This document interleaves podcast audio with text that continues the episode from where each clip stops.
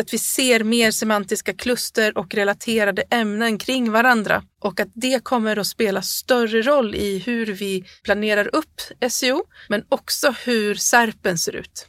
Det kommer bli en, en större utmaning hur man arbetar med Google Ads eftersom vi kommer få ökad dataförlust på grund av privacy-krav. Jag tror att vår investeringsvilja kommer öka, men att vi kommer spendera pengarna på fler kreatörer än tidigare, alltså sprida ut vår budget.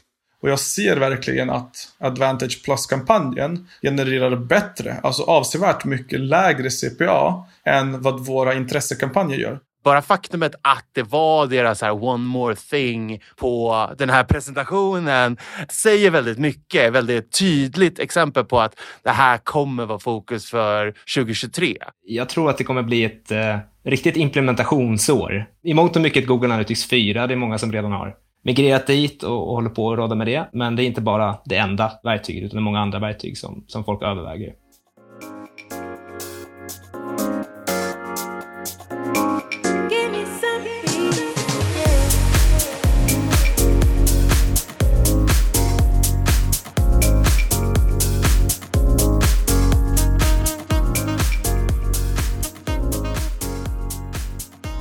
Välkommen tillbaka till Digital marknadsföring med Tony Hammarlund och det här jubileumsavsnittet, avsnitt 100. Jag tycker det här blir ett perfekt sätt att avsluta det här poddåret på. I 100 avsnitt har jag intervjuat branschexperter och marknadsförare för att lära mig mer om digital marknadsföring. Och podden börjar nu närma sig en halv miljon lyssningar. Mitt mål har hela tiden varit att göra det för att bli en bättre marknadsförare och samtidigt dela med mig av intressanta samtal med några av Sveriges bästa marknadsförare.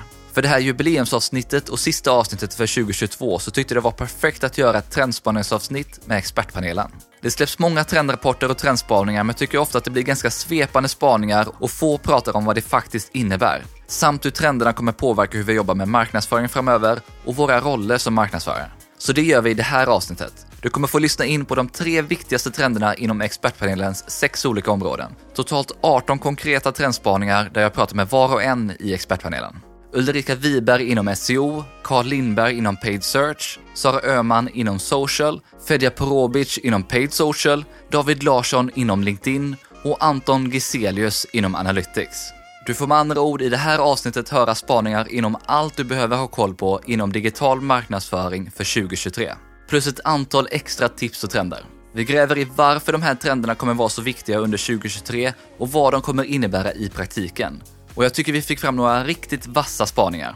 Det här blir ett lite längre avsnitt än normalt, men jag hoppas att du kommer gilla det. I slutet av avsnittet kommer jag även dela mina tankar och insikter om experternas spaningar, plus några egna trender om vad jag ser kommer bli extra viktigt under 2023 inom digital marknadsföring. Om du tycker att det här är bra så hoppas jag att du vill dela avsnittet med en kollega eller vän så att de också har stenkoll på vad som kommer vara viktigt under nästa år.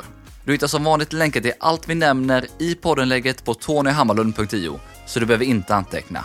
Och efter länkarna hittar du även tidsstämplar för att enkelt kunna hitta tillbaka till de olika trendspaningarna. Innan vi kör igång det här jubileumsavsnittet så vill jag även passa på att presentera e-commerce recruit en sista gång för i år. Om du ska anställa inom digital marknadsföring eller e-handel så är e-commerce recruit experter på att hitta specialistkompetenser inom just de här områdena. Med Sveriges största nätverk av e-handelskompetenser så hittar de garanterat din nästa stjärna.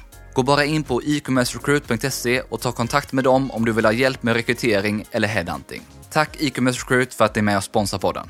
Tack också till dig som lyssnar på det här avsnittet och som har lyssnat under året. Då kör vi igång avsnitt 100 och jag börjar med att prata SEO med Ulrika Wiberg. Så lyssna nu in vad hon anser är de viktigaste trenderna inom SEO för 2023. Och då har jag plockat fram tre saker som jag tror kommer hända. Som kommer vara liksom de här grejerna som vi kommer att komma ihåg i 2023 för. Och det kanske inte är några nya saker men jag tror att om ett år så är det här någonting som vi alla har pratat om minst någon gång.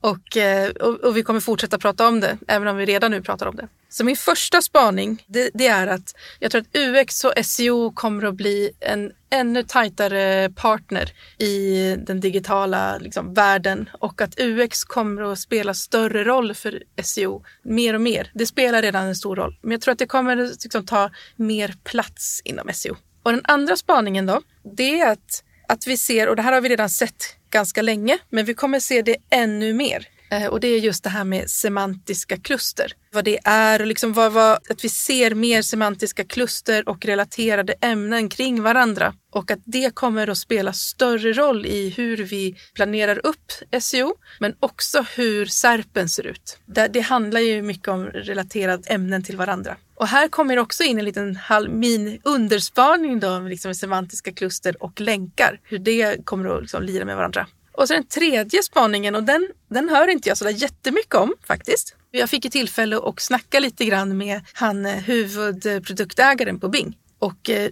vi pratade framförallt utanför inspelningen. Så jag tror på riktigt att Index Now, det, för han berättade vilka coola grejer som kommer nästa år. Jag tror att Index Now nästa år kommer att bli en stor sak som, som vi mer och mer börjar titta på och som jag faktiskt också tror att Google, de har ju tittat på det såklart, men de kommer titta på det igen. Kanske inte att de går över 2023, men det kom, vi kommer börja märka sådana saker. Kanske att vi börjar se att de antingen testar liknande grejer eller att de testar Index Now lite grann för att det är ett riktigt smart API-format som jag tror är framtiden för hur internet och sökmotorer behöver fungera. Tre riktigt bra spaningar. Om vi börjar med den första om UX. Hur ser du att UX roll inom SEO kommer utvecklas och varför är det en sån viktig trend under 2023? Om vi, om, vi kan, om vi backar bandet som vanligt då, när man, man ska alltid jämföra med någonting. Eh, så innan 2015 någon gång, innan AI klev in i Google med RankBrain och BERT, så var det ju liksom en sida, en rankning, ett ord, man söker så blir det exakt match där. Och sen så har man klivit vidare, det är mera sökintentioner, Google börjar fatta det här med saker och ting. Och i där, så, i sökintentioner så börjar vi också förstå, okej, okay, vad förväntar sig användaren av, liksom, av oss som sajtägare. Vad förväntar de sig att hitta på sajten och hur kan vi liksom driva dem vidare? Och det här har ju naturligtvis Google och andra sökmotorer då snappat upp och, och börjat liksom koppla ihop.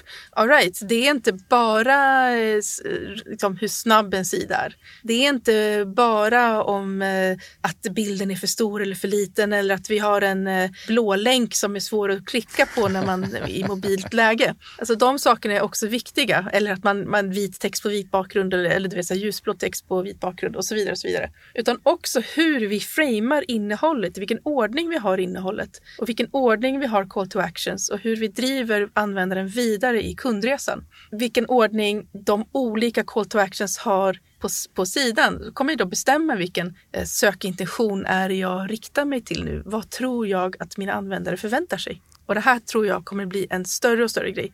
Och varför tror jag det? Jo, därför att ett, jag ser det, jag hör det och jag ser att många börjar prata om det här väldigt mycket. Liksom hur strategier kring det här, liksom, hur det ser ut och hur man börjar jobba. Så de stora SEO-erna de har liksom börjat jobba med, med UX som en strategi. Det är coolt. Vad innebär det i praktiken att arbeta med UX som en del i strategin? Men det innebär ju framförallt att man behöver planera upp eh, sina sidor utifrån vilken sökintention man tänker sig att ens användare använder när de, när de ska hamna på den här sidan. Alltså vilken fas i kundresan är de när de hamnar på den här sidan? Då måste man ju sluta tänka bara produkt och köp utan man får också tänka liksom tidigare i köptratten. Och då har ju UX en jättestor roll. Dels för att framea i intonation och Eh, hur man presenterar innehåll men också vilken typ av innehåll man har och hur mycket av saker och ting. Så där är det ju så här, UX kan ju lära oss SEO-are så otroligt mycket om våra användare. Det är ju framförallt det. Vi, vi får ju liksom en, ett silverfat av bara godsaker som vi kan använda när vi, när vi optimerar. Och det är ju magiskt för oss att göra det.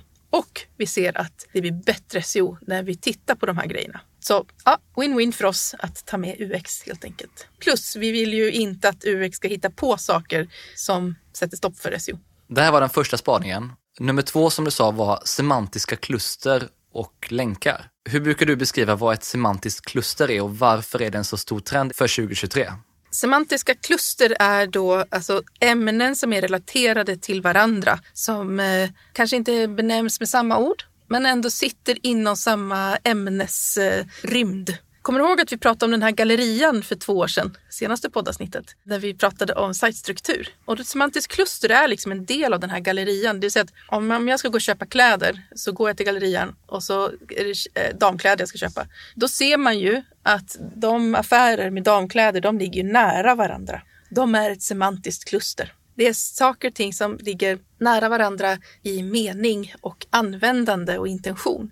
Och de behöver man koppla ihop på sajt. Därför att folk söker inte efter exakt samma sak. De har inte exakt samma problem och de har inte exakt samma behov av information, utan de har olika. Och om man bygger semantiska kluster kring ämnen så kan man fånga in alla de här frågorna och, och svara på dem på ett sätt som är väldigt relevant och exakt det som användaren förväntar sig. Så det kommer att bli, det är redan en stor grej, men det kommer bli ännu större därför att vi snackar också om någonting som heter entiteter. Och en, en entitet, det är antingen en, ett ting eller en företeelse eller ett koncept som är unikt, som går att urskilja så att man vet exakt vad det handlar om. Och det går att sätta ett ord på det eller ett, vad nu man nu faktiskt gör. Man sätter en siffra på det eller ett, ett ID. Och när entitet, saker och ting kopplas ihop med semantiska kluster och entiteter, då får vi det som vi förr i tiden var liksom den här länkstrukturen. Så länkar är ju fortfarande, kopplar fortfarande ihop saker och ting. Det blir extra starkt när man kopplar ihop ett, ett ord inom en bransch och länkar till ett sida som handlar om det ordet i samma bransch. Då funkar ju länkar extra bra. Och det är samma sak med semantiska kluster och entiteter. Att man kopplar ihop saker och ting, men man behöver inte länka dem, utan man pratar om saker och ting i dess närhet. Det här är superintressant och det här är väl nästa steg i hur vi som sagt jobbar med SEO. Och det kommer väl också av att Google har blivit allt smartare i att förstå de här sakerna. Att det faktiskt är möjligt att göra det också. Ja, ja ett exempel. För eh, du, du, vet att den SEOares högsta, liksom, det som står på, högst upp på vår to-do-list eller checklist är att bli en entitet. Vi, jag kollar både dig och mig, vi är inte entiteter ännu. Attans. Men jag är ihopkopplad och Rika Wiberg är ihopkopplad med mina bilder och Unicorn, alltså mitt företag. Och det, så var det inte för tre månader sedan, utan det har hänt nu. För jag, det är säkert för att jag har varit ute och pratat så mycket. Och så har jag benämnts på många ställen. Och så är det Ulrika Wiberg från Unicorn. Så då har de kopplat ihop de två sakerna. Så om du också söker på Unicorn, då kommer Ulrika Wiberg upp. Och nu är det ju, det finns 37 stycken Ulrika Wiberg i Sverige. Men jag äger hela första sidan. Och då är jag på väg. Jag finns liksom i sjön av entiteter, men jag, inte, jag har inte fått det här idet än. Men jag finns där och de, de håller koll på vem jag är. Min podd däremot verkar som den har fått en entitet och ett ID. Det är coolt. Då ska du bara koppla ihop dig själv med den också. Och då är det strukturerad data och lite sådana saker. Hur kommer det här påverka hur vi jobbar med SEO framöver? Jag ser framförallt att det påverkar hur vi planerar upp innehåll på sajt, men också innehåll på våra andra plattformar och att vi kopplar ihop dem på olika sätt. För de behöver ligga i närheten av varandra. Dels att man kopplar med URL-struktur, men också med klickstruktur så att de ligger nära till varandra, att det bara är ett klick emellan och så vidare. Precis som jag sa där med gallerian för två år sedan att hammar och borrar, de ligger lite längre bort och det är okej och då är inte de ihopkopplade jag tror att vi mer och mer lutar oss mot det, att sluta skapa enskilt innehåll om sökord, utan vi kommer bygga kluster kring ämnen, större ämnen och titta på det här ämnet från olika aspekter. För det, det är verkligen framtiden inom SEO. Om vi går över på spaning nummer tre, Index Now. Vad är det egentligen och varför ser du det som en så stor trend för 2023? Alltså jag tycker att Index Now är väldigt spännande och jag kom i kontakt med, eller jag, lä, jag läste om Index Now första gången nu under 2022 när jag skulle göra en, här, en post för eh, Facebookgruppen och läste på och insåg att det här är ju så himla coolt. Det här är ju smart.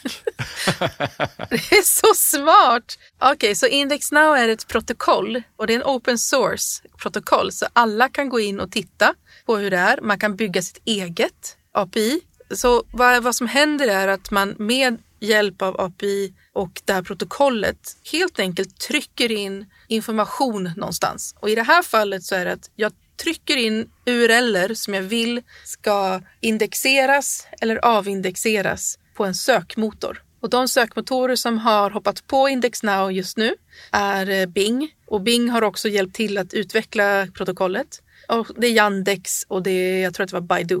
Men det kommer ju såklart fler sökmotorer som hoppar på det här och varför det är så coolt är ju för att ett, det skapar kontroll. Dels från, mellan sajtägaren och eh, sökmotorn. Där jag kan som sajtägare bestämma vilka sidor vill jag att ni ska crawla och när vill jag att ni ska crawla dem och när jag vill jag inte att ni ska göra det. Så att jag har den kontrollen. För idag så, så vi som sajtägare sitter ju där med sajter och vi får ju liksom Googlebot och Bingbot och alla möjliga bottar, bottar liksom.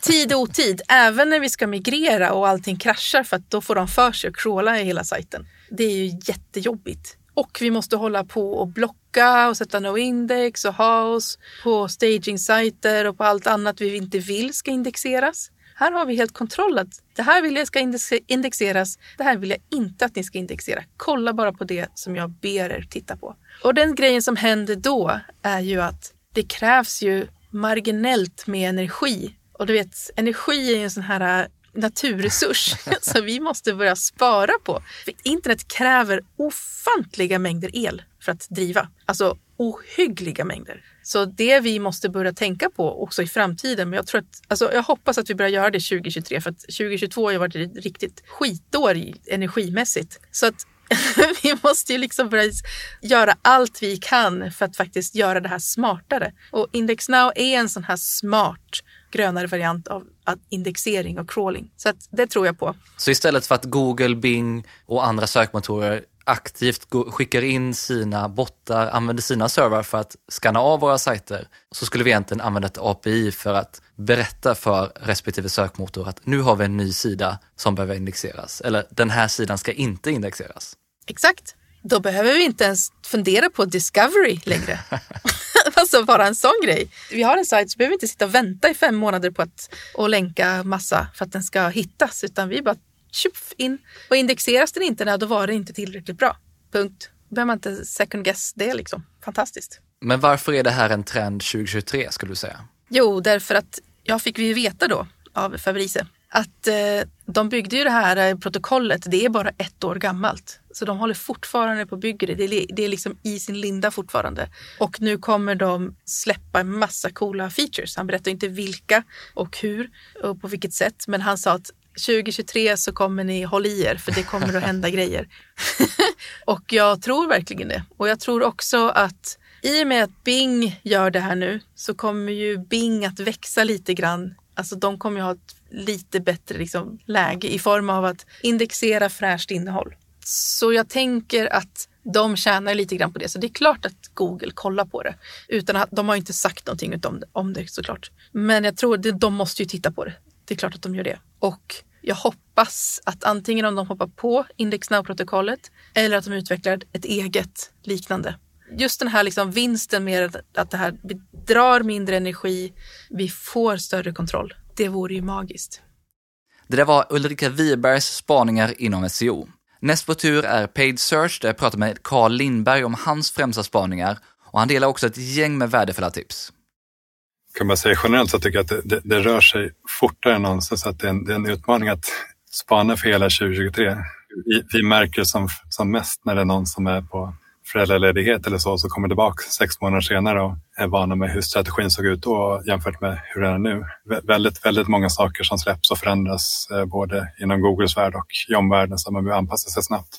Men det som jag ser som tre stora trender som kommer hända under 2023 det kommer bli en, en, en större utmaning hur man arbetar med Google Ads eftersom vi kommer få ökad dataförlust på grund av privacy-krav. Och eh, det kommer bli ett stort fokus för att få Performance Max att prestera till sitt max. Performance Max kommer ju under i, i år för, för alla annonsörer, men det kommer bli en fortsatt eh, central del hur man jobbar med det och får det att prestera till sitt max. Och sen så tror jag att Google kommer pusha ännu hårdare för att alla ska använda bredmatchade sökord under 2023. Det har de ju börjat tisa lite för också och det var ju något test som var ute som, som blev ganska stor snackis också. Ja, det var många inom Google Ads-communityn som fick en ganska stor hiccup där. Liksom och, och, men det var en begränsad beta som, som möjliggjorde att man kunde genom ett knapptryck ställa om alla sina sökord i Google Ads-konto till bredmatchade sökord. Men inget faktiskt krav att man gör det. Om vi börjar med det här med dataförluster som du ser. Det här är någonting som gäller flera områden, men vad innebär det här för Google Ads och Paid Search specifikt? Ja, precis. Man kan ju säga att nu är det dags för Google Ads eh, att hantera det som Paid Social, framförallt Facebook Meta, blev tvingade att göra i och med iOS-uppdateringen. Men det som kommer ske under 2023 är att Google har flaggat för att de kommer växla upp sin granskning av om Google Ads-annonsörer följer och har en GDPR-korrekt cookie policy på sin webbplats och att de kommer begränsa annonseringen för de som inte följer GDPR. Och eh, det kommer tvinga annonsörer, de som inte redan har GDPR-korrekt cookie policy, att implementera det. Det blir ju lite balansgång där för Google att vara polis i sitt eget annonsnätverk också. Ja, absolut. Alltså, de, om, om Google skulle stänga av alla som inte har en GDPR-korrekt cookie policy så innebär det en tappad intäkt. Men samtidigt så vill ju Google att man ska framtidssäkra, eller man får väl kalla nutidssäkra, att följa GDPR. Det finns ju fler skäl än bara Google ADS-annonsering till att, att behöva följa GDPR. Att jag tror att om, om det kommer ett par GDPR-domar så kommer alla annonsörer snabbt att, att, att följa efter det. När man implementerar en, en korrekt cookie policy så innebär det att det påverkar hur mycket konverteringsdata som man kommer att ha eftersom man tappar viktig data från de som nekar cookies. Och Google Ads är ju väldigt beroende av att få så mycket konverteringsdata som möjligt.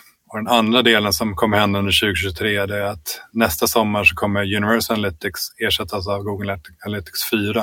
Och GA4 som det kallas eh, har ju sina begränsningar. Den ger mycket mindre data till Google Ads än vad Universal Analytics gör och betydligt mindre än om man kör med Google Conversion Tracking. Och dessutom så är det fortfarande last click när GA4 importeras till Google Ads.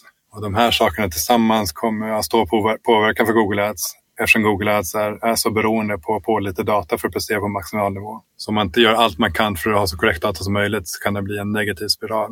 Om ROAS visas som sämre på grund av att man får in mindre konverteringsdata kan det innebära att man budar ner fast det egentligen inte går sämre liksom i, i, när man tittar i sin egna system. Vilka områden är det vi behöver säkra upp då för att säkerställa att vi har tillräckligt bra data för Google Ads?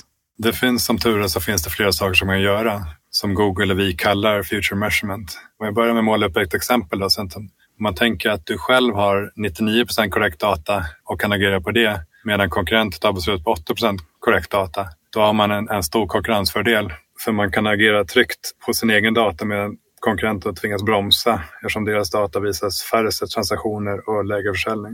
Det första man behöver göra är att eh, implementera server-side tracking och det här är inte bara för, för Google Ads utan det här är även för, för övriga trafikkällor. server-side tracking betyder i korta drag att man integrerar sitt backend direkt med Google Ads och det ger högre datakvalitet. Sen så tycker jag att man ska byta från Universal Analytics data till Google Conversion Tracking på grund av de skäl jag nämnde tidigare, då, att man får mycket mer konverteringsdata från, direkt från Google Conversion Tracking. Men sen har jag ett, ett, ett viktigt tips eh, för den delen. När man, när man gör det bytet så är det viktigt att man anpassar sitt eh, POAS eller ROAS-mål eftersom man får in mycket mer konverteringsdata. Så om man ligger kvar på samma ROAS-target som man har tidigare så kommer Google Ads få, få ett glädjefnatt och, och, och trycka på. Då, så det gäller att man, man, man räknar med den diffen om det är 20-25 procent mer konverteringsdata man får då, och anpassar ROAS-målet därefter.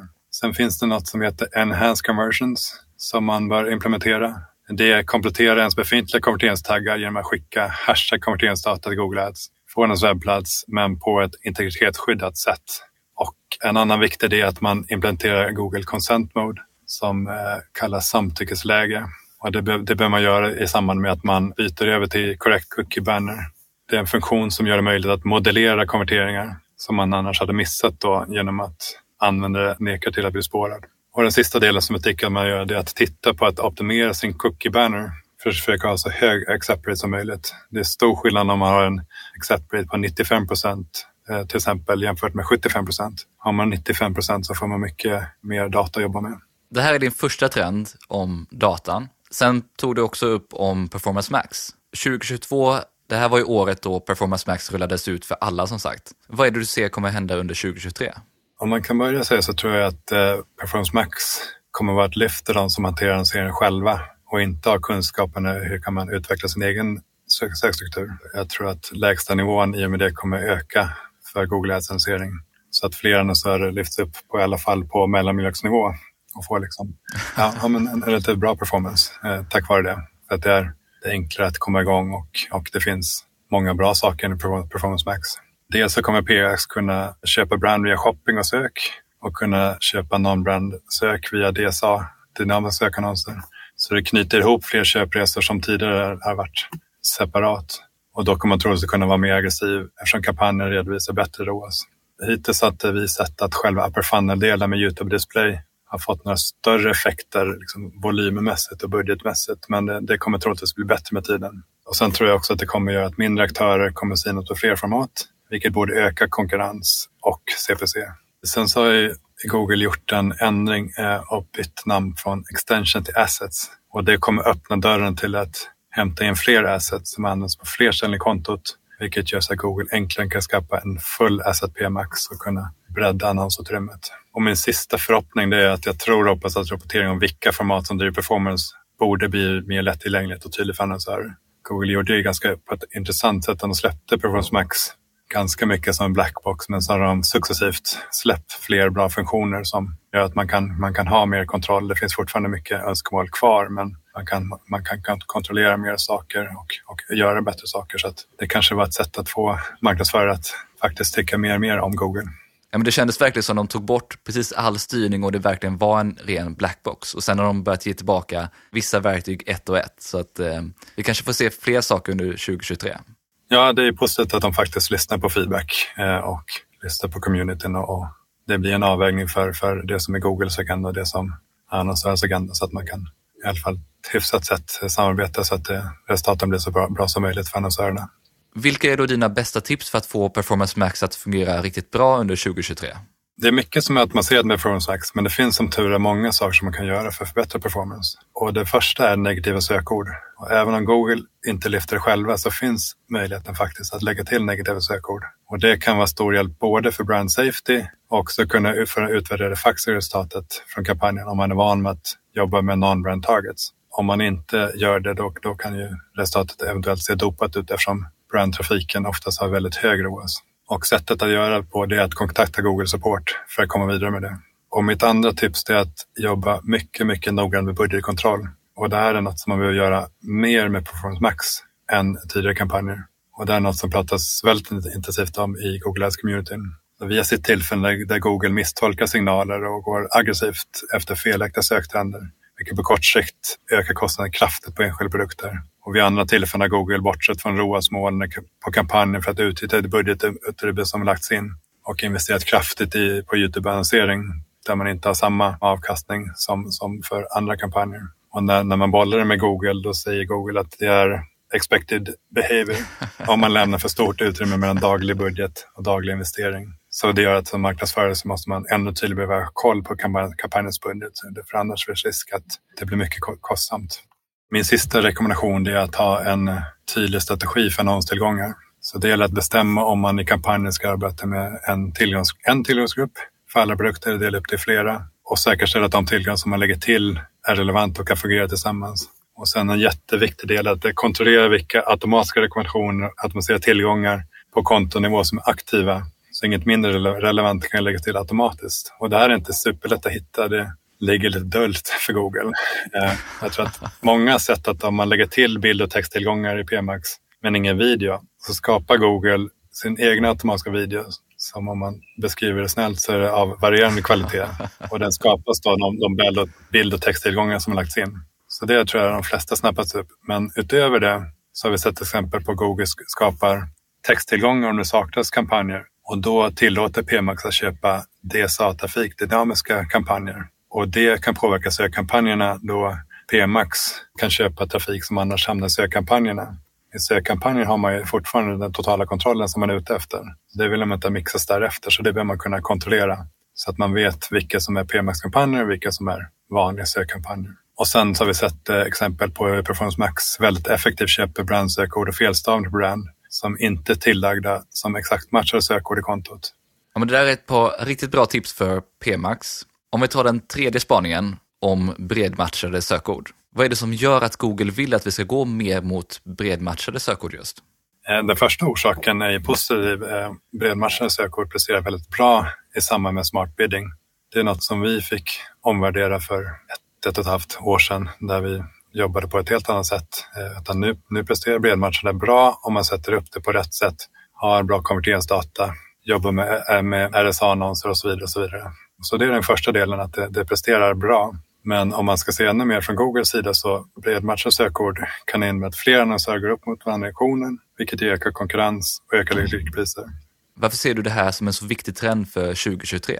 det skulle kunna bli den, den enda matchtypen som finns. Så det är viktigt då för att de som jobbar med enbart exakt och frasmatcher sökord, att de börjar testa sig det. Jag tror personligen inte att det, att det kommer bli det enda alternativet, men det, skulle inte, det är inte helt osannolikt att det blir det. Och då, om man inte har jobbat med det tidigare så kommer det bli en snabb inlärningskurva så att det kan vara bra att i alla fall på vissa delar av kontot eller kampanjer börja testa sig fram för det. Både snabb inlärning och en väldigt stor omställning också.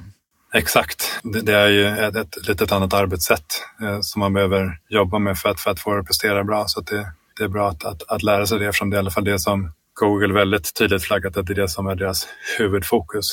Och de har ju redan justerat så det som tidigare var exakt, exakt match blev exakt-ish match till att bli exakt-ish, ish, ish match. Så, liksom, så att det, och fras och bredmorferade sökord lades ihop till fras. Så att det, det, även om man jobbar med exakt och frasmatch så, så breddas det i alla fall. Så att det, det, är ett, det är ett nytt arbetssätt som man, som man jobbar med när man, när man strukturerar konton och när man, när man jobbar med, med negativa sökord och hur, hur man kontrollerar vart man dyker upp och vad, vilka sökord som man faktiskt syns på.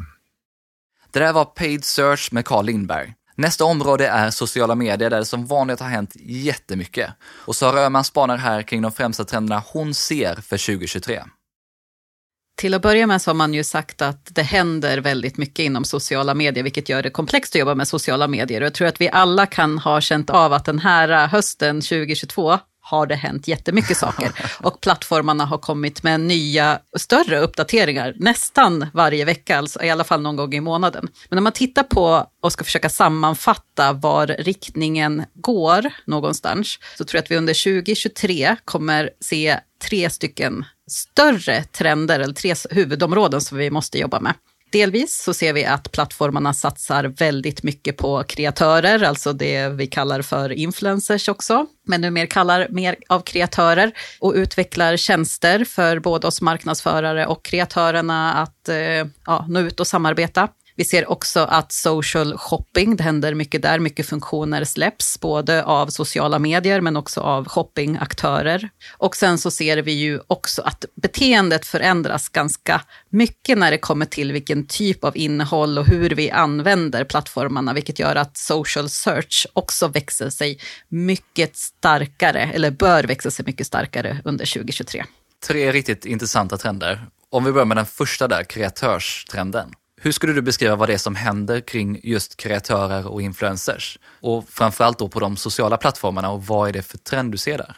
Jag tror att det vi ser just nu det är att vårt beteende, vi som användare, vi söker oss till olika plattformar för att få olika typer av innehåll, olika typer av underhållning. Vilket gör att plattformarna måste konkurrera med varandra. Och för att vi, ska kom, vi användare ska komma till plattformarna så måste kreatörerna komma till plattformarna. Och där ser vi stora förändringar kring hur plattformarna ersätter kreatörer och vilka tjänster de skapar för dem för att liksom locka över dem. Vi ser Youtube har ändrat sin ersättningsmodell eh, och gjort det enklare för även mindre kreatörer att få ersättning.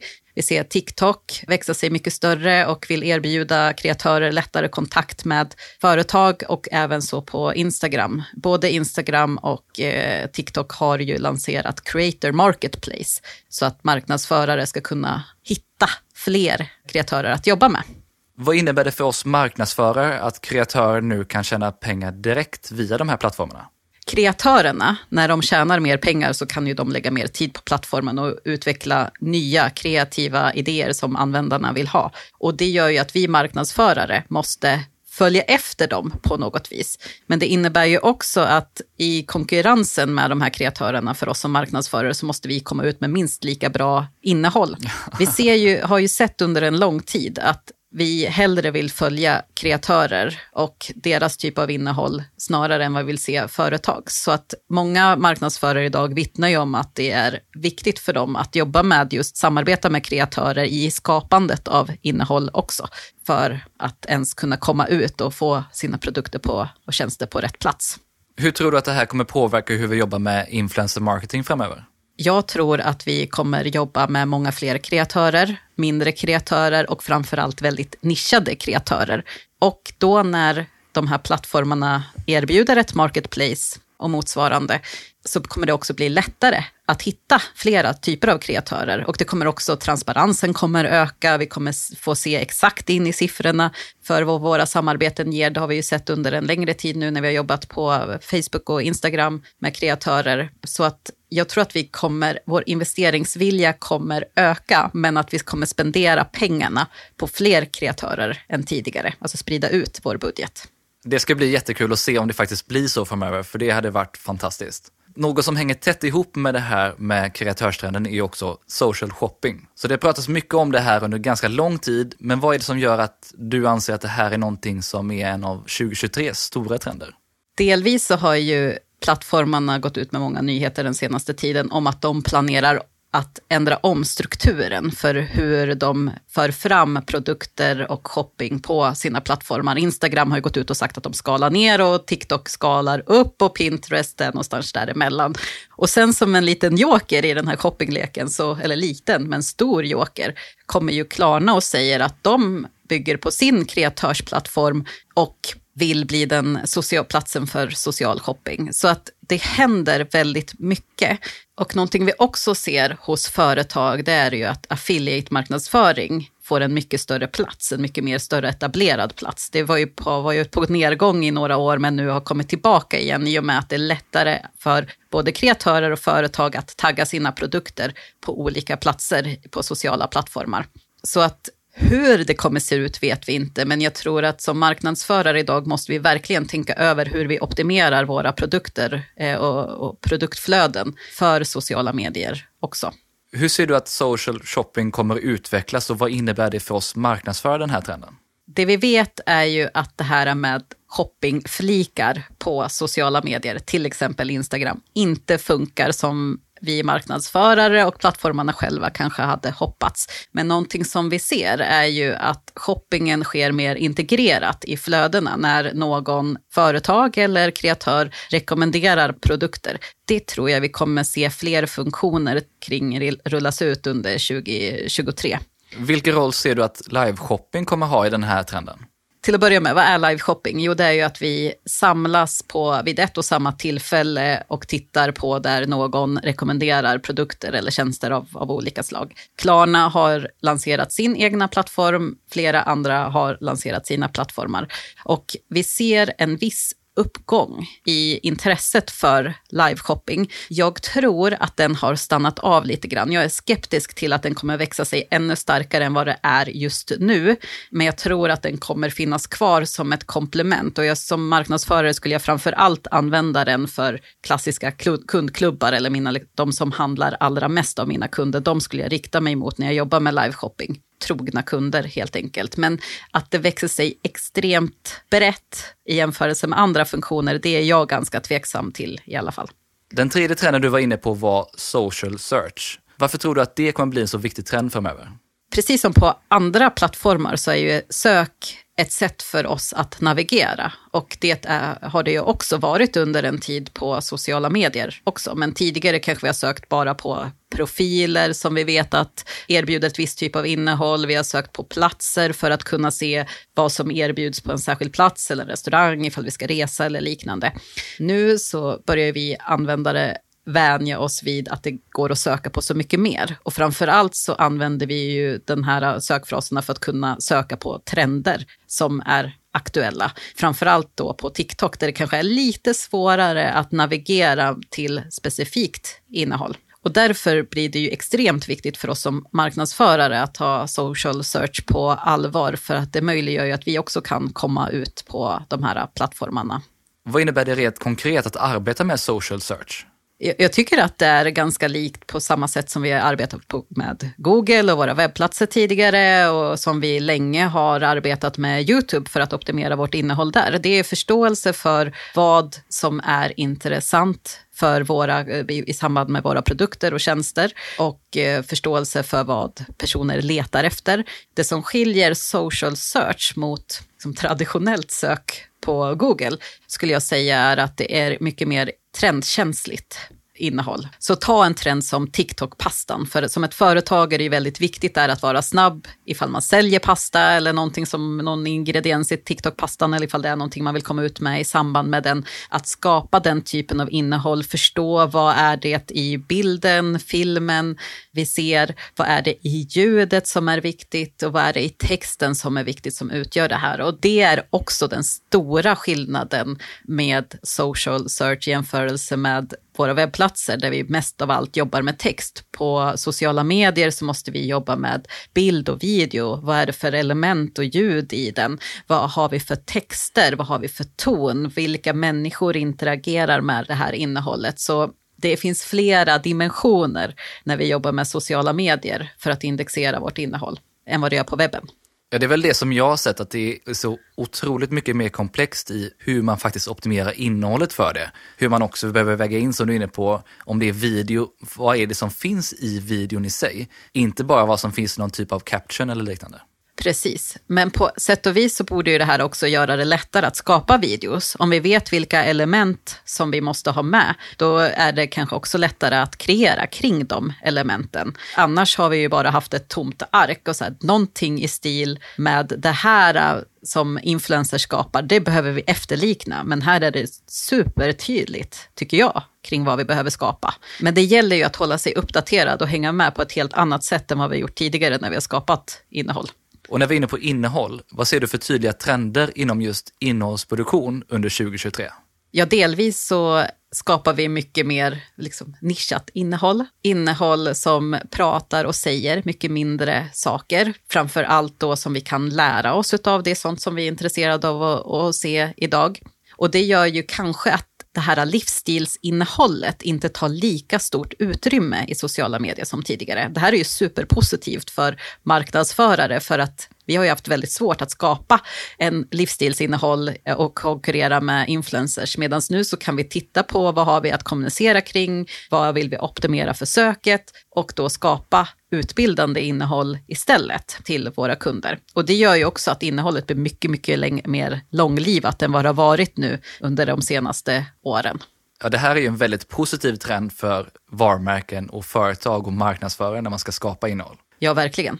Och när vi ser hur vi ska få fram det här innehållet, eftersom det är mindre innehåll i mycket högre skala, så börjar vi också titta på att kanske fördela om budgeten. Tidigare så har vi gått till produktionsbyråer, kommer fortfarande vara superviktiga, men vi kanske också tittar på hur vi kan skapa mer innehåll tillsammans med kreatörer och också beställa på ett annat sätt. Så att det eh, ingår också då i våra ersättningsmodeller till kreatörerna, att det mer handlar om att vi också ska få ta tillbaka innehållet. Så att hur vi producerar det här innehållet kommer också skilja sig lite grann. Det här krispiga, långa får inte lika stort utrymme på de här mer snabba sociala medierna som TikTok och Instagram. Kanske passar bättre för YouTube. Men som marknadsförare behöver vi nog verkligen tänka över en gång för alla hur vi ska lyckas skala upp vår innehållsproduktion, oavsett ifall det är med kreatörer, om vi ska göra det in-house eller med produktionsbyråer.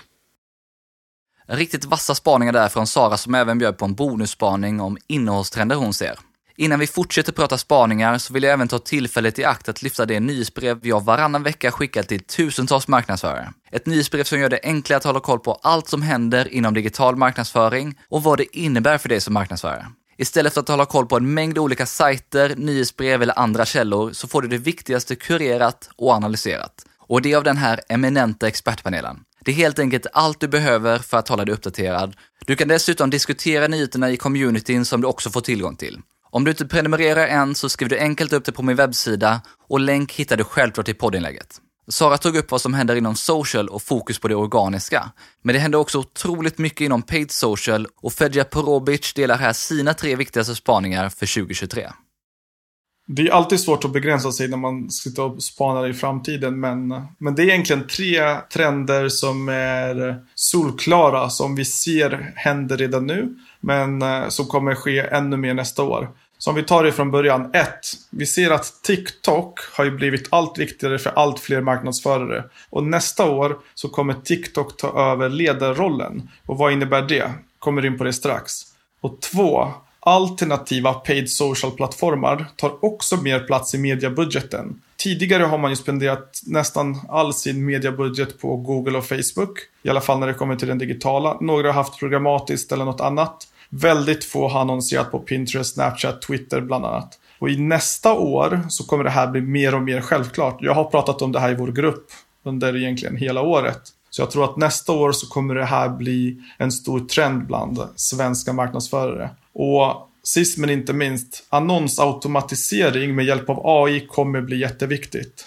Det är tre superbra trender. Om vi börjar med den första där, TikTok, att de tar över ledarrollen som annonsplattform. Vad är det som gör att du säger att TikTok kommer göra det och köra om Meta? Egentligen är det ju flera saker som har hänt under året. Om vi drar tillbaka tråden lite och tänker vart började TikTok? Så började TikTok som en utmanare till Meta. Det började egentligen som en i princip kopia på Metas plattform. I alla fall ja, men som en dålig kinesisk kopia av Facebook Ads Manager. Så det var inte som något revolutionerande eller någonting helt annorlunda utan man smälter in och gör det man ska, bare minimum. Sen har man under hela föregående år och i år bara rullat ut funktioner med i princip varannan veckas mellanrum. Så det går två, tre veckor sen är det någonting nytt. Och det nya brukar oftast vara någonting som Meta redan har haft. Så man har lekt lite följa John under hela föregående år och större delen av i år. Men nu på sista tiden, sista veckorna så ser vi verkligen att TikTok har tagit över och lanserar saker före Meta.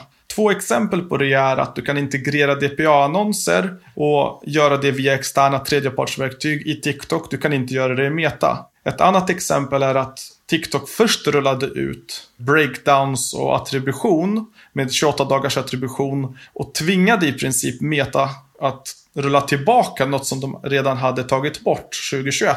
Meta gjorde det i all hast utan i princip någon testning. Inga annonsörer fick tillgång till de här verktygen i förväg. Och det blir just som det blir. Så att vi ser att Meta har börjat leka catch-up på vissa funktioner. Inte alla, men på vissa. Och tittar vi på Creative Center och att TikTok tillåter och möjliggör för oss att sourca UGC-kreatörer så är ju TikTok långt fram när det kommer till, till de bitarna. Så att eh, nästa år så ser jag att, att TikTok kommer fortsätta utmana Meta. Både om annonsbudgetar men framförallt när det kommer till tekniken. Vi ser att TikTok kommer ta över och leda egentligen utvecklingen av vad man kan göra på paid social. Vi kan redan nu göra så mycket i TikToks plattform och nästa år så kommer den definitivt ta över. Vad innebär det då om TikTok verkligen tar över ledarrollen? Alltså framförallt så är ju striden om annonsmediabudgeten. Som annonsör så har man ju alltid ett val. Vart ska jag sätta min budget för att få så bäst, best bang for the buck, eller hur? Och traditionellt så har det ju varit Google och Facebook. Det är där du har spenderat dina pengar. Som sagt, lite programmatiskt, lite retargeting i någon plattform, eventuellt någon display. Men sista tiden så har ju folk verkligen sett att okay, TikTok är på framfart. Vi har en miljard användare. Den här plattformen är ju här för att stanna. Då börjar man på allvar också se över sin annonsstrategi och se, ska man skapa innehåll för den här plattformen? Hur mycket ska vi sätta på den här plattformen? Och ser vi annonsörer att den både genererar konverteringar och får ut vårt budskap, det vill säga vi får den awareness vi faktiskt betalar för. Då kommer vi ju flytta över våran budget mer eller mindre från då de andra plattformarna till TikTok. Och sätter man sig och tänker till att ja, men TikTok är ju faktiskt ledare på att utveckla ny teknik och att testa nya saker. Då kommer vi ju med all sannolikhet försöka testa saker först på TikTok, vilket också indirekt gör att så fort de fungerar så skalar du upp din budget där. Du har varit inne på det, men samtidigt som TikTok håller på att lansera nya saker hela tiden så har ju Meta också fått upp farten med sina funktioner. Tror du att de kommer komma ikapp igen? Det är en bra fråga Tony. Det här är ju bara spekulativt såklart. Ska vi spela in spåkulan så? Jag tror inte det. TikTok känns vassare idag än vad Meta gör. De känns mer på tårna. Även här i Norden, om vi tittar på Nordenkontoret, de är väldigt interaktiva med byråer, de hjälper byråer. Jag säger inte att Meta inte gör det, de hjälper ju oss, men jag ser ändå att TikTok är på tårna och utvecklarna är i framkant. Sen är det som med allt, alltså Meta har ju säkert en legacy-plattform att utveckla och det tar väl längre tid. Mer tester behöver göras, fler buggar kommer hända och allt annat. Så att eh, TikTok kommer nog, vi kommer inte se att Meta kommer ikapp på något sätt. Sen är ju fortfarande Metas plattform väldigt, väldigt, väldigt bra. Och jag säger ingenting om att den inte kommer fortsätta vara det nästa år. Vi ser fortfarande att en, en stor del av budgetarna kommer spenderas i Metas plattform. Ingen snack om saken. Om vi kommer in på spaning nummer två, det här med alternativa paid social-plattformar. Vilka alternativ skulle du säga kommer få mest intresse under 2023 från de svenska annonsörerna? Tänker vi på alltså vad som har hänt 2021 och vad som har hänt 2022 så har ju bland annat Pinterest, Snapchat och även nu Twitter på sista tiden utvecklat och lanserat verktyg för bland annat e-handlare, alltifrån social commerce till bättre tracking till bättre attribution så att de på riktigt kan utmana om e-handelskunderna. Och e-handelskunderna är som vi vet en av de som spenderar absolut mest på paid social. Så att där finns det en stor marknad. I och med att vi får fler och fler verktyg och vi ser att de här verktygen eller de här plattformarna fungerar så ser vi också att då kan vi spendera en viss procent av media, den totala mediebudgeten på den plattformen och få bättre resultat än om vi spenderar allting på bara Meta eller allting på bara Meta och TikTok. För vi ser att en, en, link, en mindre budget på till exempel Pinterest, Snapchat, Twitter, även LinkedIn presterar väldigt, väldigt bra. Sen kan man ju se vad ska vi göra med den lilla budgeten. Är det retargeting som är primärt eller ska vi jaga nya kunder? Kollar man på de olika plattformarna så är de bra på olika saker och har olika typer av målgrupper och behöver olika typer av content. Så jag ser inte att man kommer gå i all in och köra allt. Utan det jag säger är att vi har ju pratat om det här under, under året, speciellt i vår grupp. Och alla marknadsförare jag pratar med har börjat experimentera med nya plattformar som de tidigare inte har behövt göra. För att Meta har ju fungerat så jäkla bra historiskt. Eller Du har alltid fått, du stoppar in, gör en bred annons, får bra ROAS, varför ska jag hålla på och tjafsa med något annat? Men när du inte får bra ROAS längre eller när CPM har gått upp så mycket att du måste göra någonting nytt för att överleva. Ja, då, då har man lite kniven mot strupet för många e-handelsbrands i alla fall. Men även SAS och du vet B2B har haft det väldigt, väldigt tufft efter iOS 14-uppdateringarna. Så ja, jag tror att nästa år så kommer fler och fler annonsörer öppna upp för att testa fler och fler olika sociala plattformar. Har du någon känsla för hur många e-handlare och företag som har börjat testa den här typen av alternativa social-plattformar? Om man tittar tillbaka något år bara så var i princip ingen av de e-handelsvänner som annonserar på någon annan plattform än Meta. Man behövde inte vara det. Fine. Jag var knappt det heller. Det var TikTok och Meta. I år så har jag sett och hört från kollegor i branschen att okej, okay, Pinterest verkar intressant. Hur gör jag? Jag testar. Ska jag ta hjälp av en Pinterest-expert? Så finns det inte så många, så kollar man efter någon på Upwork, kanske i USA eller något liknande. Så jag har hört att fler och fler testar. Och fler och fler testar även Snapchat. Fler och fler. Jag har till och med sett att vi har fått en dedikerad person i Sverige som, som har blivit vår kontoansvarig för Pinterest. Och då betyder väl att Pinterest satsar, ja men Pinterest satsar då på den nordiska annonsmarknaden. Jag vet inte om de alltid har gjort det, men helt plötsligt så börjar de ta kontakt med oss. Så no någonting, någonting händer ju i, på den nordiska marknaden. Det, det har inte hänt förr, så att hur många, jag vet inte. Jag tror att av de jag pratar med så är det ungefär en fjärdedel, kanske en femtedel av de svenska annonsörerna som i alla fall har testat någonting utöver Meta och TikTok. Om vi tar spaning nummer tre, så pratar du om annonsautomatisering med hjälp av AI. Vad menar du med det och vad innebär det för marknadsförare? Nej, men i, I slutet av 2021 så rullade ju Google ut Performance Max. Och det var väl den första annonsautomatiseringen med hjälp av AI. Tittar vi på Googles plattform så sätter du en budget, du har ett mål och sen ska egentligen Google hitta retail-ytan. Där de nyckelorden som deras AI tror på kommer generera konvertering, ska generera konvertering. Har, har det blivit så? Kanske inte alla Google-marknadsförare jag pratar med säger ju att Performance Max inte är det man hade önskat att det skulle vara. Där du bara blint litar på Google, det är en blackbox, du har ingen aning. Men det fungerar. Så när Meta och TikTok började prata om annonsautomatisering så tänkte jag att nej, det blir säkert som Google. Meta har varit i någon typ av beta och testat andra annonsautomatiseringsverktyg tidigare. Och jag har inte varit så imponerad av resultatet. Men nu rullade de ut det här med Advantage Plus för några månader sedan. Och min byrå har i alla fall testat och fått bra resultat. Jag var inne här i morse, tittade på ett av de kontona som jag är operativ i. Och jag ser verkligen att Advantage Plus-kampanjen genererar bättre, alltså avsevärt mycket lägre CPA än vad våra intressekampanjer gör. Som normalt sett presterar väldigt, väldigt bra. Den slår alltså våra väl testade intressekampanjer det är ju helt galet. Ja, och det här är redan nu så att jag vet att marknadsförare i branschen normalt sett är skeptiska till AI och att ML-funktionerna, de funkar säkert inte så som man hade tänkt sig. Men just i, i det här fallet så tror jag jättestarkt att det här är någonting som kommer ta över mer och mer under nästkommande år. Vi kommer se det totalt dominera Metas plattform i slutet av 2023. Så att vad gör det här med oss marknadsförare då? Det gör oss i princip, ja men kommer vi behövas eller kommer vi inte behövas? Alltså jag tänkte så här, självklart kommer vi behövas men vår roll kommer omdefinieras. Vi kommer inte sitta och testa lookalikes mot intressen eller breda målgrupper mot uh,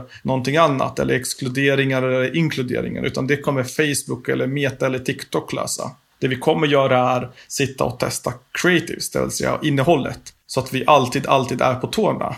Jag tror inte att eh, vi kommer, eh, som sagt, helt vara värdelösa. Men det kommer göra ett stort skifte i paid social i alla fall. Så att eh, om vi tittar det som händer inom SEO eller det som händer i andra branscher så är det ju alltid att någon ny algoritmförändring sker. Vissa hänger inte med i förändringen och man får bita lite i det sura äpplet. Och man, så kommer det bli här också. Det här, vi ser in, står inför ett paradigmskifte inom paid social. Där AI och ML har blivit så bra nu att den kommer ta över en stor del av det dagliga arbetet som man traditionellt har haft. Så att nu gäller det egentligen som marknadsförare att vara på tårna och hänga med i den här utvecklingen. Varför ser du att det här blir så stor trend under 2023 och ser du att fler än Meta kommer börja med det här?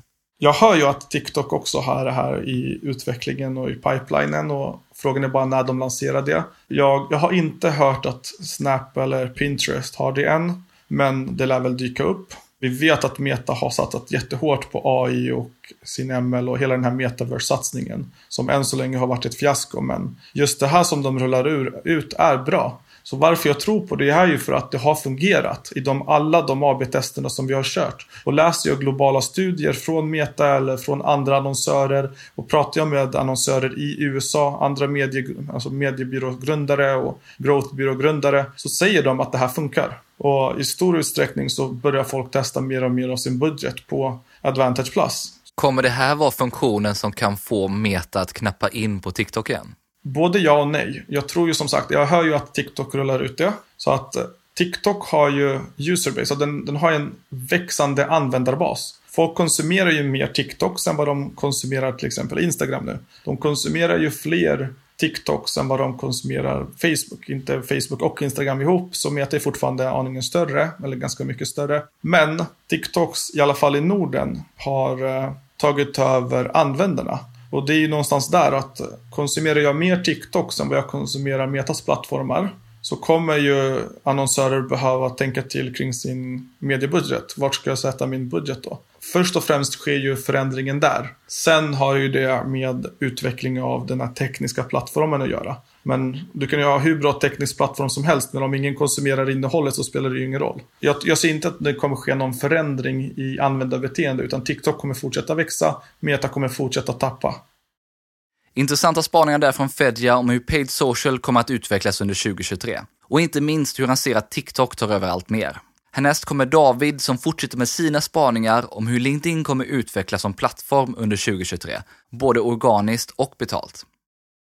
Jag tror att LinkedIn kommer att luta sig än mer in i sin business to business nisch och gå mot att bli lite av ett marketplace för business to business. Sen så tror jag också att LinkedIn kommer behöva se över sitt sätt i hur de kan maximera sin väldigt användbara och värdefulla data samtidigt som de håller sig GDPR compliant och med alla regler och regulationer som kommer kring data. Så jag tror att de kommer jobba med att försöka gruppera och anonymisera sin data väldigt mycket. Och jag tror att vi kommer få se det under 2023. Och sist men inte minst, som jag också pratade med dig mig om i mitt allra första avsnitt utav eh, den här podden då när vi pratade om LinkedIn är att jag tror att kreativitet på plattformen och kreativa format och hur man, hur man når ut kanske mer top funnel och vågar ta ut svängarna kommer bli så mycket mer viktigt eh, 2023. De som gör det kommer vinna stor mark. Och det här är ju både när man jobbar organiskt men också betalt på LinkedIn. Precis, precis. Så det gäller ju hela, hela fannen och hela kundresan.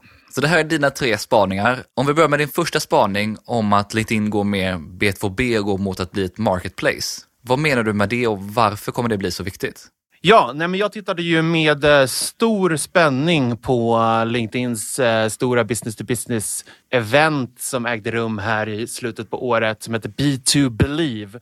Eh, man kan säga vad man vill om det namnet men eh, deras vice president när det kommer till product management där tog upp deras roadmap kring hur de tänker, vad de ska eh, rulla ut för features. Bland annat tog upp nya annonsformat och sånt där som vi har sett under året. Men en sån sak som hon avslutade med på lite så Steve Jobs maner. One more thing. Uh, gick hon in på så här, what if LinkedIn could be och så ett, en samlingsplats med liksom live MPS, ett community av experter artikelbibliotek, rekommendationer från folk i sitt nätverk samt möjligheten att testa produkter. Det här är deras stora vision för hur business to business marketplacen LinkedIn ska bli. Och jag tror att bara faktumet att det var deras här one more thing på den här presentationen säger väldigt mycket. Väldigt tydligt exempel på att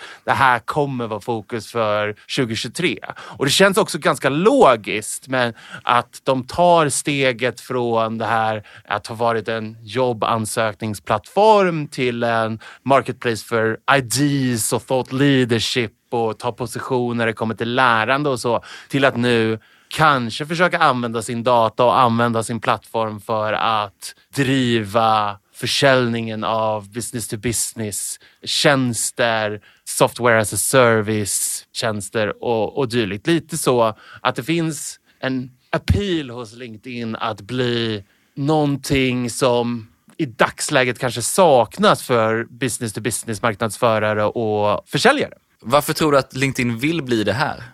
Men jag tror att de har, de har sneglat på sina konkurrenter. De har sneglat på de andra sociala medierna. Och det som jag kanske varit lite elak mot LinkedIn i tidigare är att jag, jag alltid sagt att de bara har kopierat vad Meta eller vad Google har gjort när det kommer till deras tänk om hur plattformen ska kännas och vara och, och annonsformat och sådär. Men nu tycker jag mig se att de ser över sin egna mest attraktiva asset, vilket är den här inbyggda idén om att de har business to business decision making data och de får business to business decision makers att spendera tid på plattformen. Och då har de en konkurrenskraft här som de tidigare inte kanske har använt till max och som deras konkurrenter inte kan riktigt använda. Så därför tror jag att det är ett naturligt nästa steg för dem att ta. Vad skulle det innebära för oss som marknadsförare om den här möjligheten fanns?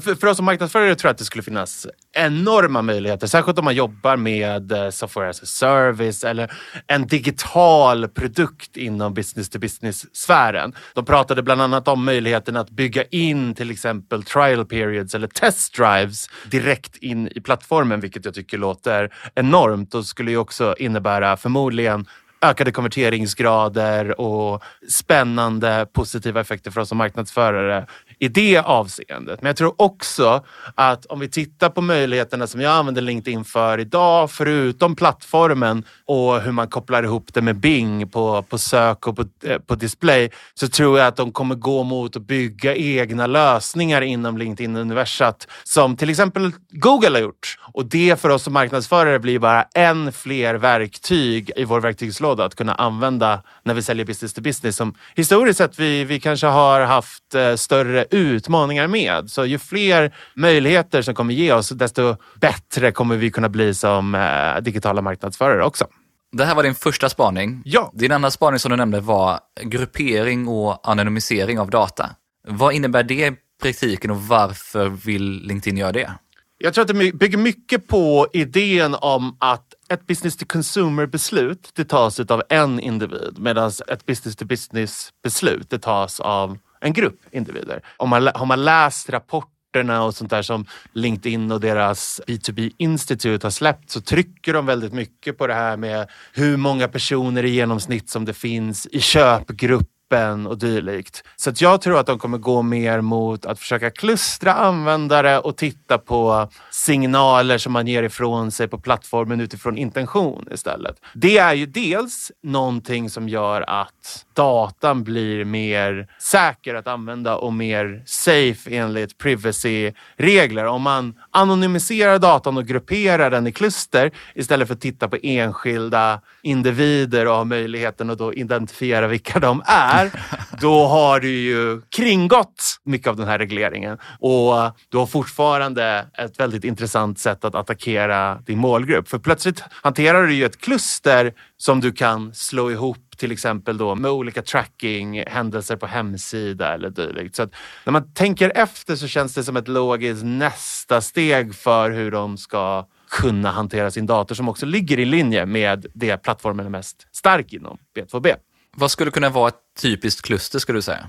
Om man tittar på hur de har jobbat med till exempel um, sin jobbansökning eller jobbsökarstruktur så har de ju kunnat klustra användare baserat på hur aktivt eller inte aktivt de är öppna för att byta jobb eller söka jobb. Och jag tror att de kommer gå lite mer och mer mot det inom köpintention också. Ett sånt hypotetiskt kluster skulle kunna vara beslutsfattare med köpintention för ett nytt ekonomisystem inom 12 månader. Och vem vet om man signar upp på, på att köpa sitt ekonomisystem inom LinkedIn så kanske de också då har den datan för att kunna se hur, hur länge du är signad och baserat på det kunna göra kalkylen när man är redo att eventuellt re-uppa eller köpa någonting nytt. Så det är ett sånt perspektiv jag ser på det. Jag tror också att de kommer kunna gå mer mot att försöka identifiera personer baserat på olika signaler som de ger ifrån sig inom LinkedIn för att kunna utkristallisera vad det här med thought leader egentligen är. Många marknadsförare vill nå thought leaders eller många marknadsförare vill nå decision makers. Att de kommer hitta fler signaler att kunna göra de här grupperingarna ännu starkare starkare och erbjuda det i till exempel campaign manager då för, för ens betalda kampanjer. Ja, det här låter ju som den heliga graalen för LinkedIn. Om de först kan lyckas bli ett marketplace som du är inne på. Verkligen. Och sen kan koppla det väldigt tätt till intent också.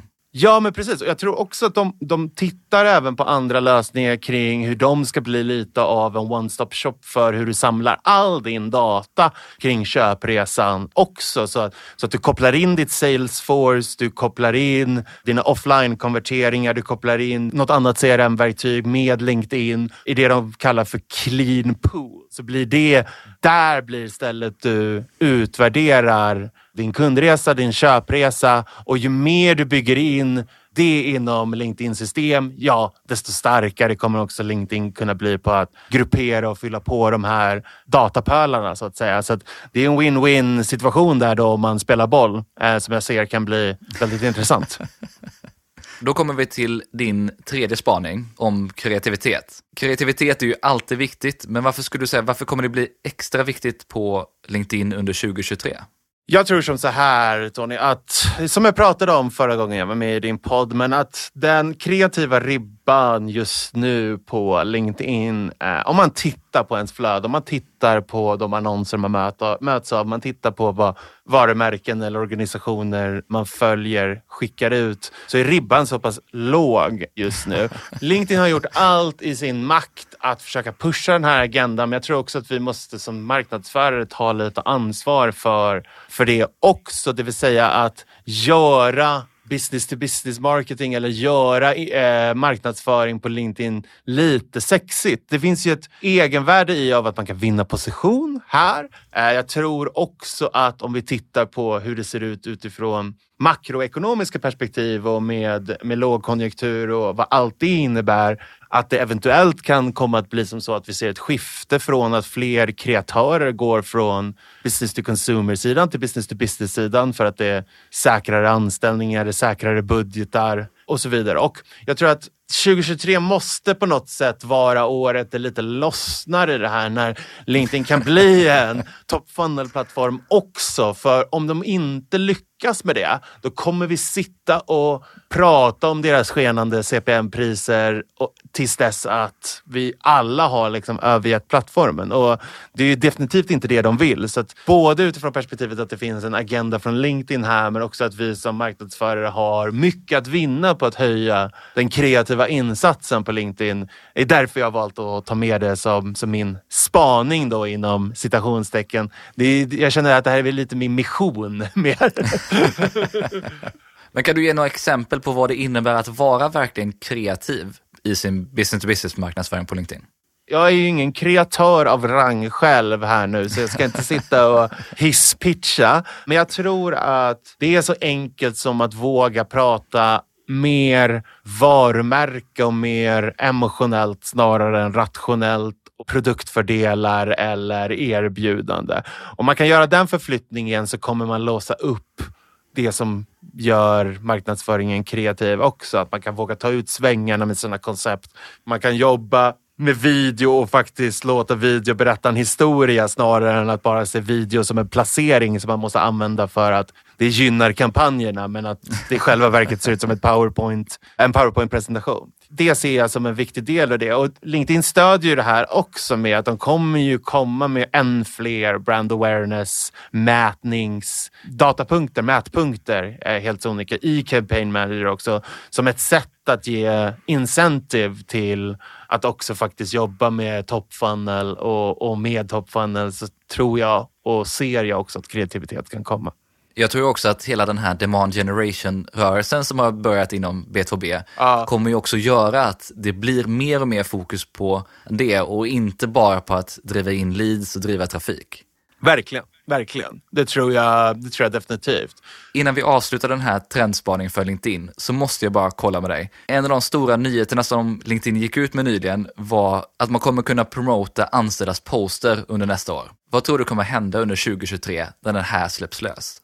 Jag säger äntligen först och främst. Jag ser jättemycket fram emot detta. Jag har ju jobbat på olika, med olika abrovinker för att applicera det här tänket tidigare. Så jag är enormt glad över att det byggs in native i plattformen. Att sponsra individuella med medarbetares poster direkt från företagssidan och använda det i kampanjer. Jag tror i praktiken inte att det kommer bli en stor svall våg utav shitposts som, som dyker upp i ens flöde. Dels så har de ju också annonserat att det kommer behöva gå igenom en whitelisting-process så man måste... Jag kan inte helt plötsligt ta en av mina anställdas poster och, och boosta dem utan att ha fått den anställdas consent så att säga. Dels finns ju det lagret av det, men jag tror att det kommer bli att företag försöker se sig om i sitt befintliga liksom, thought leadership inventory och tänka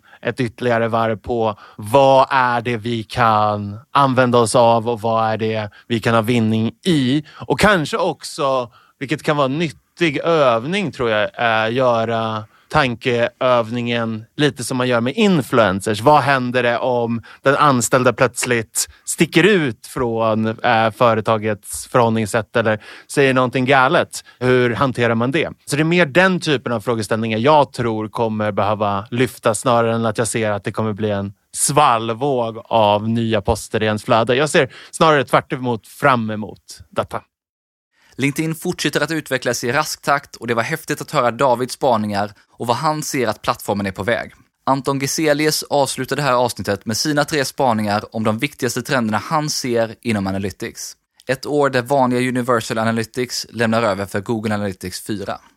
Ja, men det har, det har varit mycket de senaste åren generellt skulle jag säga. Men om vi, om vi tänker för 2023, eh, jag tror att det kommer bli ett eh, riktigt implementationsår. I mångt och mycket Google Analytics 4, det är många som redan har migrerat dit och, och håller på att råda med det. Men det är inte bara det enda verktyget, utan det är många andra verktyg som, som folk överväger. Det andra är ju GetM Server Side. Jag ska inte säga att det liksom kommer flyga eh, just 2023. Det är också någonting som, som har vuxit fram. Men eh, det, vi ser många plattformar och eh, annonsnätverk som, som släpper stöd för det. Och det tredje skulle jag säga är incrementality. Och, och testning. Hitta kostnadsposter som inte genererar värde. Det tror jag kommer vara viktigt 2023. Det här är de tre största trenderna som du ser egentligen då? Ja, Om vi börjar med implementationsåret som du pratar om. Jag tror inte någon har missat om att det är dags att gå över till GA4, även om vi nu fick en liten respit här för de som kör Universal Analytics 360. Hur stor andel av de som du pratar med har gjort en full implementation än av GA4? Jag skulle säga att de flesta, allra flesta som, som vi jobbar med och som jag, jag är involverad i på ett eller annat sätt ha, har en G4-implementation. Sen kanske man har kommit olika långt i det. För, för oftast så är det inte självaste G4-implementationen som är, är det svåra utan kanske kopplingar till, till andra delar av verksamheten. Det kan vara resurser som är beroende av den här datan. Det kan vara att man har automatiserat registerutdrag för, för GDPR till exempel. Och så har man byggt liksom lösning på lösning som på något sätt hämtar data från Universal Analytics. Sådana processer eh, måste man ju reda ut ifall man ska migrera över fullt ut till GA4. Så där skulle jag säga att många sitter kvar i Universal Analytics. Framförallt på de stora bolagen som inte är lika snabbfotade. Ja, för det är ett helt ekosystem som man måste nu migrera. Det är inte bara webbanalysverktyget. Nej, men precis. Ja, men det är många verktyg som integreras med Universal Analytics. Man har haft ett sätt att jobba med Universal Analytics data. Det är, det är integration mot Google Optimize, ut i BigQuery, Search Console och allt vad det är. Och det där, även fast G4 släpper på om pö stöd för alla de här sakerna så, så har man fortfarande mycket legacy. Eh, man måste jaga ikapp det där och hitta nya sätt att göra saker och ting på. Sen så är det givetvis att, att man kanske har en, en implementation. Datat finns där, men man känner sig inte bekväm i, i gränssnittet. Man, man ska komma ihåg att Universal Analytics är ett, det är ett gammalt verktyg nu. Riktigt gammalt. Alltså det, det är många, många som har varit med i branschen ett tag. De, de, de, känner sig bekväma i Universal Analytics. Man har lärt sig begreppen där, source medium, landing page och bounce rate och allt vad det är. Eh, och man vet vart man ska navigera. Men, men de som kanske inte är experter, vilket de flesta inte är, som sitter i det på daglig basis, så är det, det är ett jättestort steg att gå över till G4 och känna att det är där som man, det är där man landar när man letar efter svar på sina frågor. Vad är din erfarenhet? Går de flesta över till GA4 eller tittar man även på de andra alternativ som finns nu? Jag skulle säga att stora företag tror jag föregår diskussioner och det kommer fortsätta in i 2023 definitivt danska dataskyddsmyndigheten som har kommit med ett utlåtande, vilket gör folk, oss, folk här i Sverige lite nervösa. Vi vet att det väntar liknande utlåtanden här. Jag skulle säga att man ser över andra alternativ. Man känner inte att eh, det är så tryggt med Google Analytics just nu. Mindre bolag eh, har ganska lätt för att liksom fatta det beslutet. Man behöver inte vara så riskavers i det eh, alla gånger. Medan större bolag definitivt måste landa i de frågeställningar och diskuterat igenom allting. Och det är superkomplext när man går in i detaljerna. Det är inte bara just Google Analytics utan då börjar man hamna i nästa, nästa fråga som kanske rör Firebase Analytics och, och appar och hela den här världen. Då, då, blir det många saker man behöver reda ut. Så det är många som, som sneglar mot att åtminstone ha en exit plan. Vad händer om vi liksom pull the plug? Vad gör vi då? Och hur kan vi redan nu designa en implementation med GA4 men som är ganska lätt att plugga ur utan att förstöra allt annat vi gör.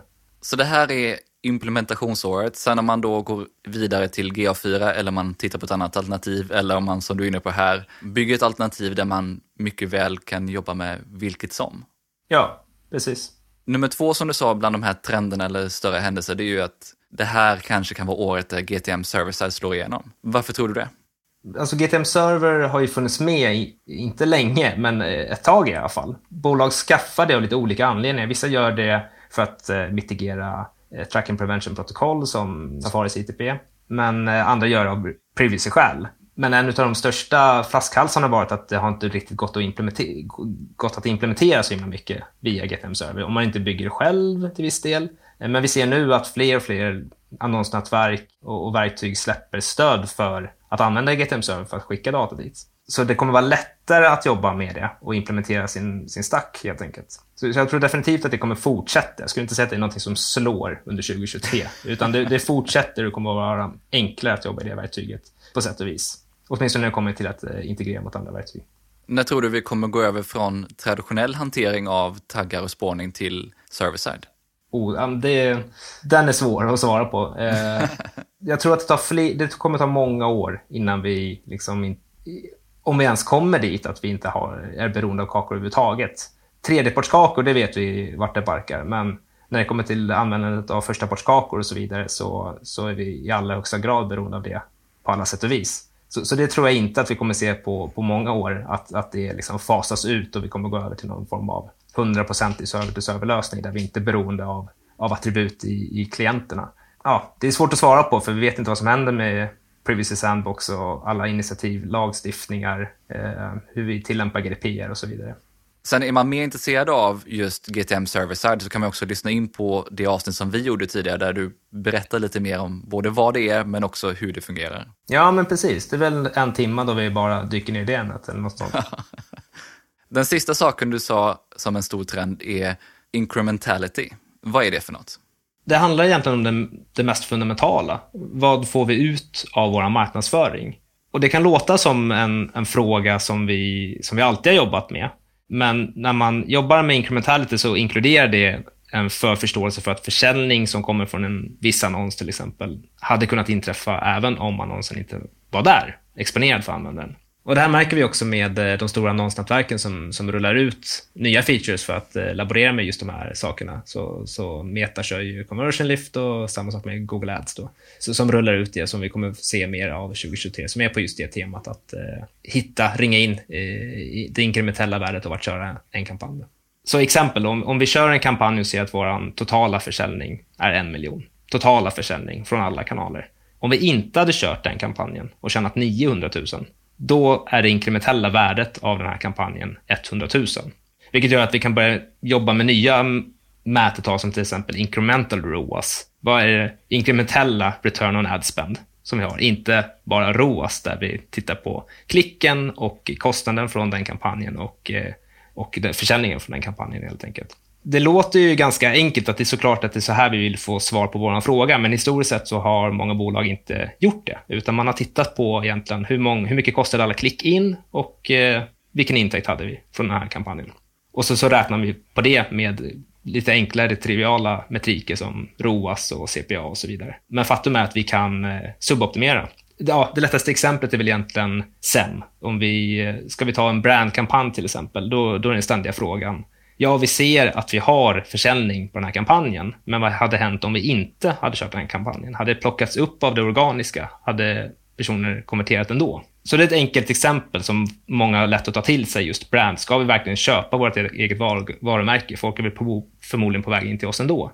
Men det går att tillämpa samma sätt att tänka när det kommer till egentligen all marknadsföring. Så de, det generiska, om vi kör Facebook och display och så vidare.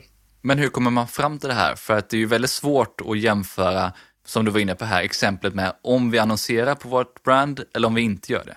Ja, men det finns lite olika eh, metoder att ta sig an där. Ett exempel är geografiska studier till exempel, där, vi, där man hittar ja, men geografiskt avgränsade områden som, som korrelerar med varandra, till exempel städer eller länder. Så, så ifall vi tar Stockholm och Göteborg och vi ser att de korrelerar väldigt mycket när det kommer till både kostnad och försäljning. Vi kör allting vi kör allting ganska likt i, i vår digitala marknadsföring. Kan vi isolera en stad till exempel och säga vi kör inte generiskt här under två, tre veckor och sen analysera totalförsäljning för att få en förståelse för hur, hur det påverkar. Och anledningen till varför man vill göra det på det det, det kräver viss liksom, statistisk kunskap. Det finns lite hjälpredskap från både Google och Facebook. Vi har Google som har Castle Impact som är ett R-paket. Facebook kör ju Profit som man också kan köra i R. Men det, det ger oss verktyg att, att försöka identifiera just den inkrementella effekten av att köra en kampanj. Varför tror du att det här kommer bli stort under 2023? Det har att göra med att eh, företag sparar nu. Så man vill hitta kostnadsposter där som inte genererar något värde. Det var lättare under en, en hyperkonjunktur som vi, vi mångt och mycket har haft, att, att bara spendera mycket. Även fast det här såklart är intressant när det i, i alla tider. Man vill inte kasta pengar på någonting som inte genererar någonting. Men just nu så sparar företag och man drar ner på marknadsföring. Det märker vi överallt och, och då borde det här vara ett, en metod, ett sätt att tänka som, som eh, folk blir mer intresserade av. Det var dina tre spaningar, men innan vi avslutar måste jag kolla med dig. Vad tror du kommer hända under 2023 när vi pratar det legala kring analysverktyg? För det har ju hänt väldigt mycket, som du var inne på tidigare, under 2022. Ja, äh, men jag tror vi kommer se stora företag välja bort Google Analytics till, till förmån för andra verktyg. Vi har ju alternativ som Pivic Pro, Snowplow. Vissa bygger egna lösningar. Några sådana projekt sitter vi där, vi, där vi bygger det själva. Inte alla delar givetvis, men mycket kan man göra själv.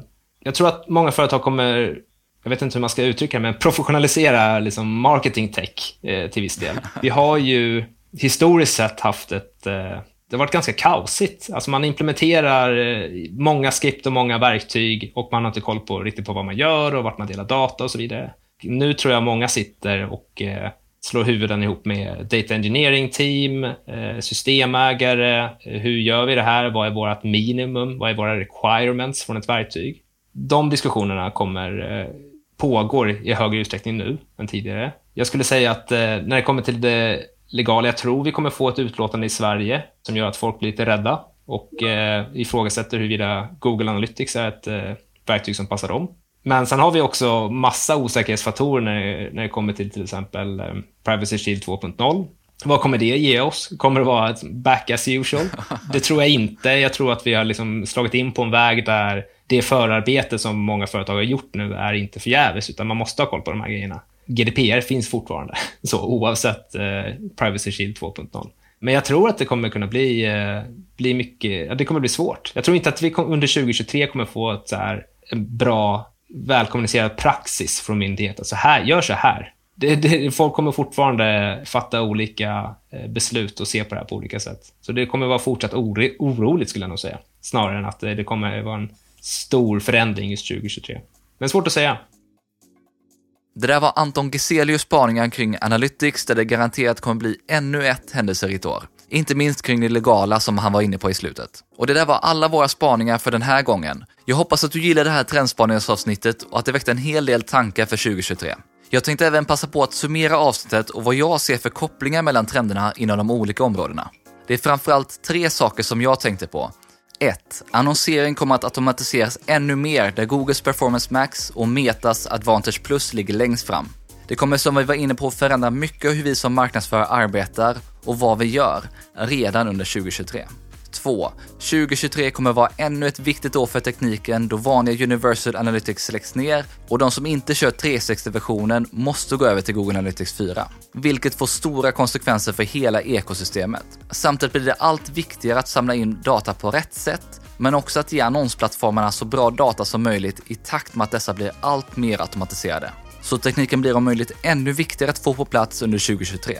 Och 3. SEO kommer fortsätta att utvecklas i takt med att Google får större förståelse kring UX samt att vi kommer börja tänka allt mer i kluster i vårt SEO-arbete. SEO blir också allt viktigare inom social där det bör finnas ett allt tydligare och växande sökbeteende. Inte minst på plattformar som TikTok där SEO har blivit väldigt viktigt. Här kommer också mina spaningar och trender som jag ser för 2023 och som inte togs upp av expertpanelen. Först och främst kommer AI skaka om hur vi jobbar med marknadsföring, konverteringsoptimering och innehållsskapande under 2023. För annonsering är bara ett område där det kommer ta över. Även om de stora effekterna kommer vara över tid så kommer vi redan under nästa år se att det händer väldigt mycket. OpenAI visade med ChatGPT världen och oss marknadsförare vad AI redan nu kan åstadkomma. Och vi har sedan tidigare en rad olika verktyg för att skapa innehåll. AI-plattformar som OpenAI bör nu även integreras i andra plattformar som Zapier, vilket öppnar helt nya möjligheter till automatisering. Och under 2023 kommer dessutom GPT-4 släppas, något som på allvar spås förändra våra roller som marknadsförare för alltid. Det enda som egentligen kan sakta ner utvecklingen är etiska och legala frågor kring användningen av den här typen av teknik och hur den fungerar. Så under 2023 kommer det vara viktigt att följa utvecklingen, bekanta sig med tekniken och hålla sig uppdaterad. Men med det sagt så kommer det också vara viktigt att inte glömma av att jobba med marknadsföring. Det leder mig också in på min andra spaning som Anton var inne lite på. Marknadsföring blir allt mer komplext och tekniskt med allt från hur vi samlar in data och kombinerar ett växande antal datakällor till hur vi analyserar datan och aktiverar den i vår marknadsföring. Det kräver att vi har kompetensen för att göra det och allt fler företag kommer att anställa personer som kan både teknik och marknadsföring. Något som Johan Johansson också tog upp som en av nycklarna hos framgångsrika marknadsteam i avsnitt 98. Och min tredje och sista spaning.